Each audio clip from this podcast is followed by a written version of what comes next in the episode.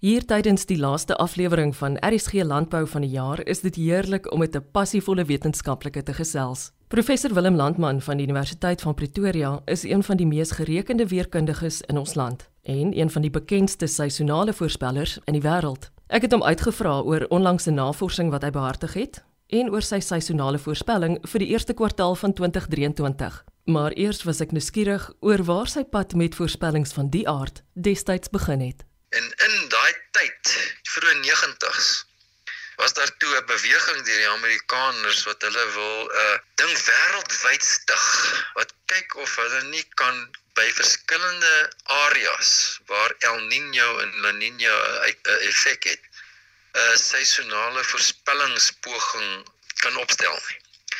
En hulle het toe van so van plan om 10 ouens wêreldwyd te nooi om nou aan so 'n kursus deel te neem. En so waar as vet hier word ek toe genooi om nou een van daai 10 ouens te wees.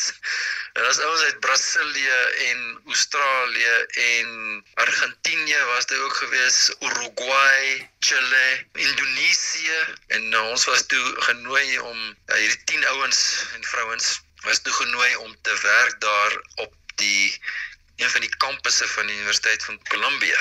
Die kampus se naam is die Lamont the Earth Observatory. En in daai 10 maande dis daar gewerk het, het ons nou klas gekry en ons was nou gehelp en aangesê om 'n uh, model van 'n uh, die seisoen vir die area waar ons vandaan kom te ontwikkel. So het ons daar 'n ding ontwikkel. Ek het teruggekom na daai 10 maande en toe so 'n groep gestig waar ons nou begin het om sulke seisonale voorspellings te begin uitreik by die weerdiens. En, en in daai tyd het ons nou gevorder van suiwer statistiese modelle na die selfs die loop van dinamiese atmosferiese modelle en dit het maar net meer en meer ontwikkel. Ons het ehm um, hier in die jaar in 2007 8 het ons selfs ons eie volledige oseaan atmosfeer gekoppelde model geïnstalleer en geloop daar vir operasionele voorspellings. Dit het ingesluit ook die loop van streeksmodelle wat probeer het om hoër resolusie seisonale voorspellings te genereer. Klomp publikasies geskryf oor ons voorspellingstegnieke en ek was daartoe later ook uh, bevorder as 'n uh, chief scientist.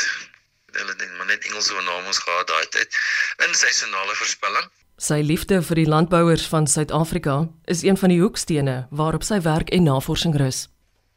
Ja ja, kyk, dit help nie om net te kan sê my voorspellings het 'n korrelasie van 0.8 nie. En niemand gebruik dit nie. So, hoekom spandeer jy dan 'n loopbaan daaraan om 'n voorspellingsstelsel te gebruik wat vir niemand enigiets beteken nie? Dis nommer 1. En nommer 2 is dit nie regtig oulik. Om 'n voorspellingsstelsel te kan ontwikkel wat sorg dat daar kos en mense se pense is nie.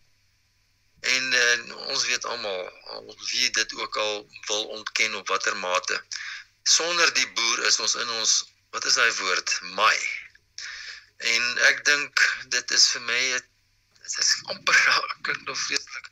Mills and boon, maar dit is so 'n bietjie van 'n roeping jy wil tog hê dat jou voorspellings vir iemand help vir alles daai iemand jou help nê? En so ek dink dit is vir my nogal 'n goeie 'n goeie kringloop van ene ons voorspellings kan die landbou se bedryf bevorder en die bevordering van die landboubedryf voer weer vir my. Dis lekker om dit te weet. En jy weet ook die mense wat ek nou mee te doen gehad het met hierdie wanneer hulle my dalk sou nooi om 'n toespraak te kom lewer oor wat die verwagting is van die seisoen. Ek kry altyd wonderlike ervaring met daai ouens. Hulle is goeie ouens, goeie mense. En die boervrouens wat daar die tee en die middagetes bedien ook, jy net jy voel jy voel tuis en dit is toe ek so 'n paar jaar terug in Namibië was waar ek nou ook in Grootfontein met van die boere daar gesels het kry ek dieselfde resep van 'n mens. Hulle is nou hulle is ander nasionaliteite, bly ander land. Uh, hulle is maar baie selfs. As ek daar's nou daar is ook Afrikaners, maar daar's ook Duitssprekendes in Namibiërs. En ek sien ene maar hulle is maar Hulle is maar soos almal, goeie mense.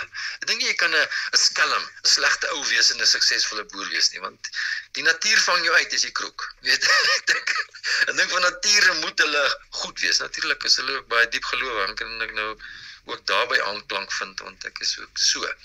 Maar my ervaring met hulle is altyd nog positief en ook met hierdie uitruil van inligting vanaf hulle plaas wat hulle met die reënval gee. Dis lekker dan om vir die boer 'n voorspelling te maak en te wys, jene, ek ek het vir jou voorspel dat jou plaas gaan hoë reënval kry die jaar en ek het ook vir die buurman langs jou wat vir my oesdata gestuur het voorspel dit gaan 'n goeie oesjaar wees en dit het so waar uitgewerk hierdie jaar. Daar's daar daar's 'n wonderlike satisfaksie daarin. Dis dis ek ek dit is seker soos hierdie Steve Jobs gevoel het toe hy die ehm um, selfoon maak wat sê jy kyk hoe baie mense like hierdie produk weet ek uit die aard van die saak maak ek nou geen geld uit nie. Ek bly in 'n ou huis in 'n ou woonbuurt. Uh, maar dit is net daai satisfaksie van iemand gebruik het en hulle kan dit selfs positief gebruik wat dan op die langtermyn weer terugvoer na my toe as die voorspeller. Dis 'n dis 'n lekker dis 'n lekker positiewe kringloop en uh die die algemene ervarings wat ek reeds gesê het is is positief en ek wil eintlik met meer sulke mense te doen hê, met meer sulke mense gesels. Want ek dink daar's baie wat mense by mekaar kan leer. Willem, tot watter mate het klimaatsverandering jou wêreld verander? Ja, kyk, klimaatsverandering is nou 'n realiteit. So dit is nou nie iets wat ons kan sê is 'n uh, foefie nie. Dit is As jy sê daar is nie soos klimaatsverandering nie, dan is jy verkeerd ingelig. Dit is nou ongelukkig maar so. En wanneer daar klimaatsverandering is, dan het daar groot gevolge vir die landbou daarmee saam, naamlik baie sterk sein van temperature wat bly styg nie so baie sterk sein oor die seisoen totaal van reënval wat noodwendig gaan baie afneem nie. Daar's dit nie so sterk nie, alhoewel daar tog aanduiding is dat daar verdroogtings kan plaasvind. Maar die groot krisis is die temperatuur sein wat mense sien wat sleg is. Ons het gewys dat as ons dalk 'n uh, minimale inmenging sal hê en om probeer om die weghol temperature tot halt te bring. As ons niks sou doen nie, dan is daar goeie kans dat die dat oeste tot twee standaard afwykings onder die gemiddeld kan daal teen einde van die seisoen, uh, einde van die eeu. Dit dit beteken ramp. Weet ons het 'n opwaartse kurwe in populasie, maar 'n afwaartse kurwe in in kosproduksie. Dit bring dan die seisonale voorspellings baie goed in die prentjie, want dit is 'n manier van mitigation. Nee, as gaan gaan hierdie seisoen wat kom 'n seisoen wees soos wat ons dalk kan verwag wanneer die klimaatsverandering nou erg gaan inskop, naamlik hoë temperature en dalk nie sulke wonderlike reënval nie. Of gaan hierdie dalk 'n seisoen wees wat ons kan skep? Interessant ek het met 'n uh, akademikus in Amerika gesels nou die dag wat werk in Wes-Afrika. En Wes-Afrika word ook gereeld uh, getuister met droogtes.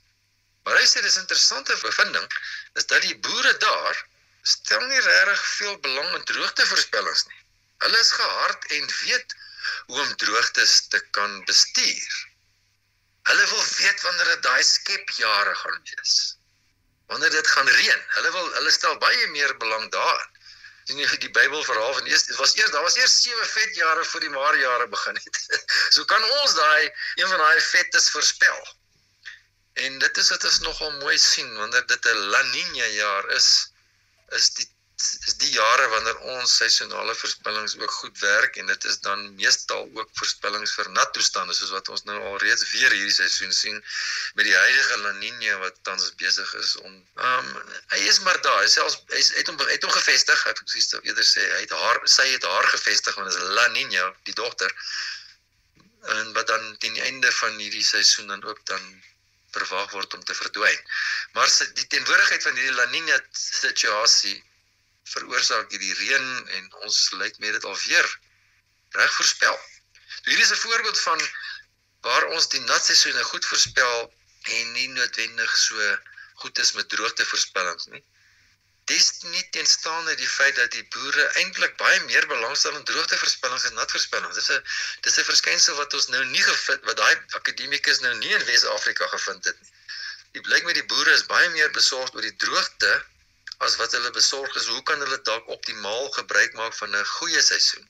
Ja, so daai tipe van interaksie wat ons daar kan hê kan dalk 'n boer dalk inlig. Mens moet dalk kyk of die ouens se natseisoen voorspel. Dan gaan ek begin anders daaroor dink as net om oor vir die beste nie, maar ook kyk ek daar progressief kan kan beplan vir 'n seisoen wat daar die verwagting is van goeie reën. OK, ek kan nie met Willem Landman gesels en die kans laat verbygaan nie. Wat is jou seisonale voorspelling vir die eerste kwartaal van 2023? Ja, die die voorspelling bly positief vir reën. Ons het 'n die beste manier gevind om 'n voorspelling te maak en dit is om gesofistikeerde oseaanatmosfeer gekoppelde modelle te loop en dan die voorspellings met 'n statistiese proses te probeer verbeter. Dis wat ons gesien het in die jaar 2000 en dit is wat in huidige literatuur nog steeds vir ons gewys word. Op hierdie tydskaal doen ons dit op so 'n manier. En die proses wys vir ons dat die kanse vir nat toestande is hoër as die kanse vir droogte. So dit lyk of dit weer 'n goeie reën seisoen kan wees hierdie jaar. Wel, wat kan ek vir die boere sê vir 'n 2023? Ek kan net vir hulle sê dankie tog, julle is daar. Dankie tog. Ek is nou so bly dat ek weet my kinders gaan nie vrek van die honger nie. En net daai stelling van hoe julle baie mense help en red. Ek hoop dit motiveer julle want ek so waar as vette ons ons land kan nie die streek Sadek kan nie leef sonder sy boere nie. En ek hoop regtig die die owerhede begin hierdie baie duideliker raak sien dat die beskerming en die ondersteuning van sy landbou is absoluut krities. Ek sien dit in my besoeke aan Namibië hoe die boere daar deur hulle regeringsamptenare ondersteun word. Dit is 'n wonderlike sinergie wat ek daar sien. En ek kan net vir die boere sê, hou maar net voort met wat julle doen. Nee, ek is ek is baie dankbaar ook vir die geleentheid om met uh julle te gesels. Dit is vir my 'n uh, uh, uitlaat vir my idees, my gedagtes en ek waardeer julle natuurlik vreeslik baie. Ek is bly oor hierdie kommunikasie. Ek dis nie, onthou net iemand wat vir 'n ander mense diens lewer, baat ook uit die dienslewering. Dit is vir my 'n 'n riem onder die hart dat ek deur jou gevra word. Ek is bly. Ek voel laat my goed voel dat iemand soos jy en julle my raad wil hê. Dit laat my werk daarom relevant voel. Dit is my altyd lekker om in te skakel op RSG Landbou. Daar's altyd wonderlike interessante onderwerpe wat daar bespreek word. En uh, eh, ou soos ek wat nou die wiskunde doen. Dink jy vergeet jy wat gaan op die grond aan en in die programme wat jy aanbied, bring mes terug aarde toe. Baie dankie daarvoor. Bekende seisonale weervoorspeller professor Willem Landman van die Universiteit van Pretoria. Wat 'n voorreg om in die afgelope jaar landbou nuus en stories van hoop met jou te kon deel. Ek sien daarna uit om in 2023 besoek af te lê by die boere van Suid-Afrika en om by jou te kuier met nog verhale wat inspireer. Van my, Eloise Pretorius, groete. Tot volgende keer.